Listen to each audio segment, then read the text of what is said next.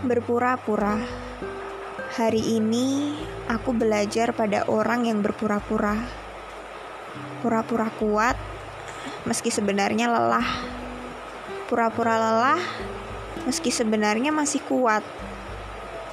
Pura-pura tak yakin meski dalam hati sangat yakin.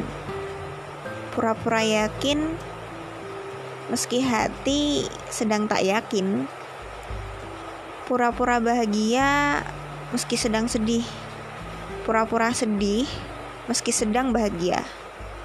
Awalnya aku ragu pada mereka yang berpura-pura, hingga meremehkan keputusan yang mereka buat untuk terus berpura-pura, menampakkan hal yang tidak sesungguhnya. Sampai aku tahu alasan dibaliknya.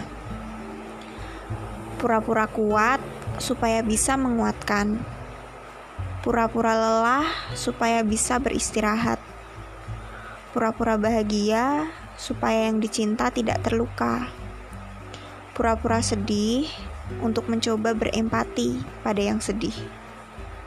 Apa salahnya berpura-pura? Bukankah manusia diciptakan dengan kemampuan berpura-pura untuk bisa bertahan? Tidak semua kenyataan membawa kebahagiaan.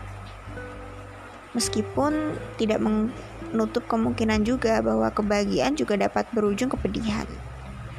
Hingga datang suatu saat aku bertemu dengan dia yang katanya bijak dalam mengambil keputusan.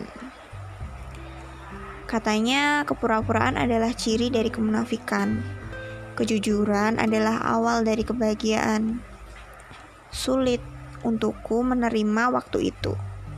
Tapi sedikit demi sedikit, mungkin sekarang aku sudah mulai memahaminya.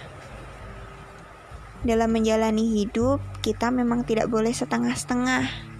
Kalau iya, ya iya. Kalau tidak, ya tidak.